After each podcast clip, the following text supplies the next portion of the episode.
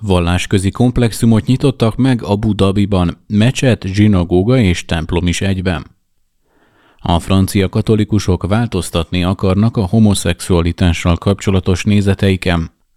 Kiment a divatból a randi, mert vallatásnak érzik a fiatal férfiak egy új kutatás szerint. A Hitrádió hitéleti híreivel Longauer Andrást hallják. Az Egyesült Arab Emírségekben szerdán felavatták az Ábrahámi család házat, egy vallásközi komplexumot, amelyben egy mecset, egy templom és az öbölmenti arab állam első kifejezetten erre a célra épített zsinagógája található. A neves gánai brit építész David Edeje által tervezett projekt több olyan építészeti stílust is magában foglal, amelyek hagyományosan megtalálhatóak a mecsetekben, templomokban és zsinagógákban szerte a világon. Az építmény a három ábrahámi vallásból merít ihletet és a hasonlóságokat hivatott kifejezni. A mecset, amely Al-Azhar nagy imámjáról, a szunnita iszlám vezető tekintélyéről kapta a nevét Mekka felé tájolt, a Ferenc templomot a 13. századi Assisi Szent Ferenc szerzetesnek szentelték, a templom a keleten felkelő nap felé van tájolva, a mennyezett fából készült és Noé bárkájának a bibliai és koránosi történetét hivatott idézni. A templomban a rohanó víz hangját lehet hallani, mondta a tervező. Számomra a víz nagyon fontos a kereszténységgel kapcsolatban, a templom egy bárka a világban, fogalmazott.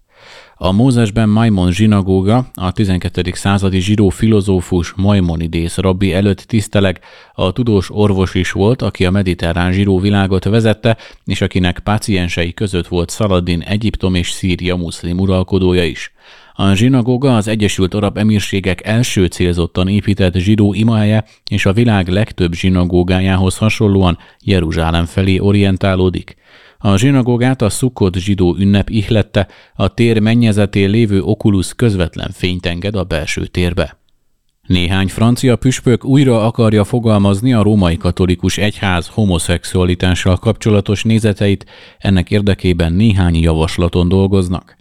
A papság azt szeretné, ha az egyházban nagyobb figyelmet fordítanának a homoszexuálisok lelkipásztori gondozására. A múlt hét kedden találkoztak annak az egyesületnek a tagjai, akik a homoszexuális emberek szüleinek egy szervezete, amely azt kéri, hogy több figyelmet fordítsanak rájuk az egyházban. Beszámolók szerint a társadalomban a homoszexualitás tabujának feloldása és a melegek jobb ellátásának elérhetővé tételére irányuló tendenciák arra készítették az egyházat, hogy átgondolja a homoszexualitással kapcsolatos álláspontját, ráadásul egyes püspökök újra akarják fogalmazni a római katolikus egyház hivatalos tanítását is. Egyesek szerint a homoszexualitás újragondolásának folyamata a francia római katolikus egyházban a 2021-es római ad liminia látogatás óta tart, azóta több püspök is dolgozik a doktrína felülvizsgálatán. Mint fogalmaz, ezeket a javaslatokat nyilvánvalóan meg kell vizsgálnia az illetékes dikasztériumnak és a pápa mérlegelésére kell majd bocsátani. Ugyanakkor nem valószínű, hogy a francia egyházban tapasztalható tendenciák a római katolikus egyház hivatalos tanításának általános változásához vezetnének. Egy vatikán városi forrás elmondta, hogy nem lát alapvető változást közeledni, mert a homoszexualitás kérdése valójában többet foglalkoztat önmagánál, az egyház antropológiáját és szexuális erkölcsét foglalja magába, a francia klérus fő célja tehát az, hogy a téma hallhatóbbá váljon, ennek érdekében a francia püspöki konferencia Nemzeti Család és Társadalmi Szolgálata három teológust bízott meg azzal, hogy dolgozzanak fel néhány a témával kapcsolatban gyakran felmerülő kérdést, és válaszoljanak rájuk. A folyamatba bevontak homoszexuális embereket és olyan egyesületeket, amelyek a homoszexualitással foglalkoznak az egyházon belül. A 30 éven aluli fiatal férfiak beleuntak a párkeresésbe, és inkább szingliként életüket alkalmi kapcsolatokkal tűzdelve élik, derült ki egy friss kutatásból. A publikáció eredményei szerint a férfiaknak elege van a nők által felállított magas elvárásokból és a személyes találkozókon rájuk helyeződő vallatásra hajazó nyomásból is.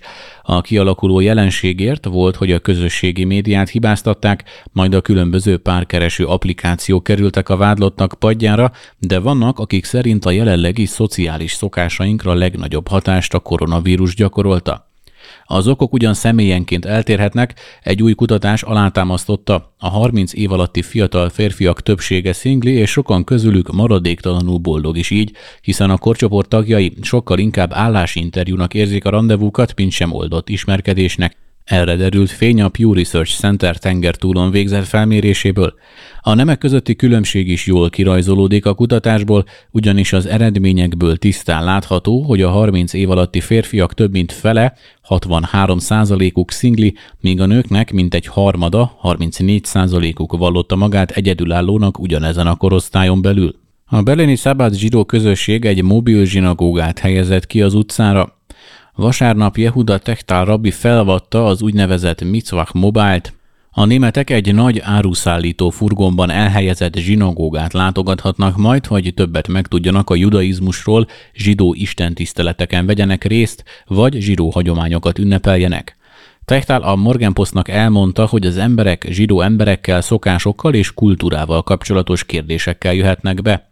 A furgonnal a zsidó közösség láthatóságát szeretnék növelni, hogy lehetővé tegye a toleranciát és az összetartozást. Míg a zsidó közösség elsősorban az antiszemita támadások miatt szerepel a hírekben, ők a zsidó élet pozitív oldalaira szeretnék felhívni a figyelmet. Boldogok vagyunk, hogy zsidó életet élhetünk Németországban, és ez így is marad, fogalmazott.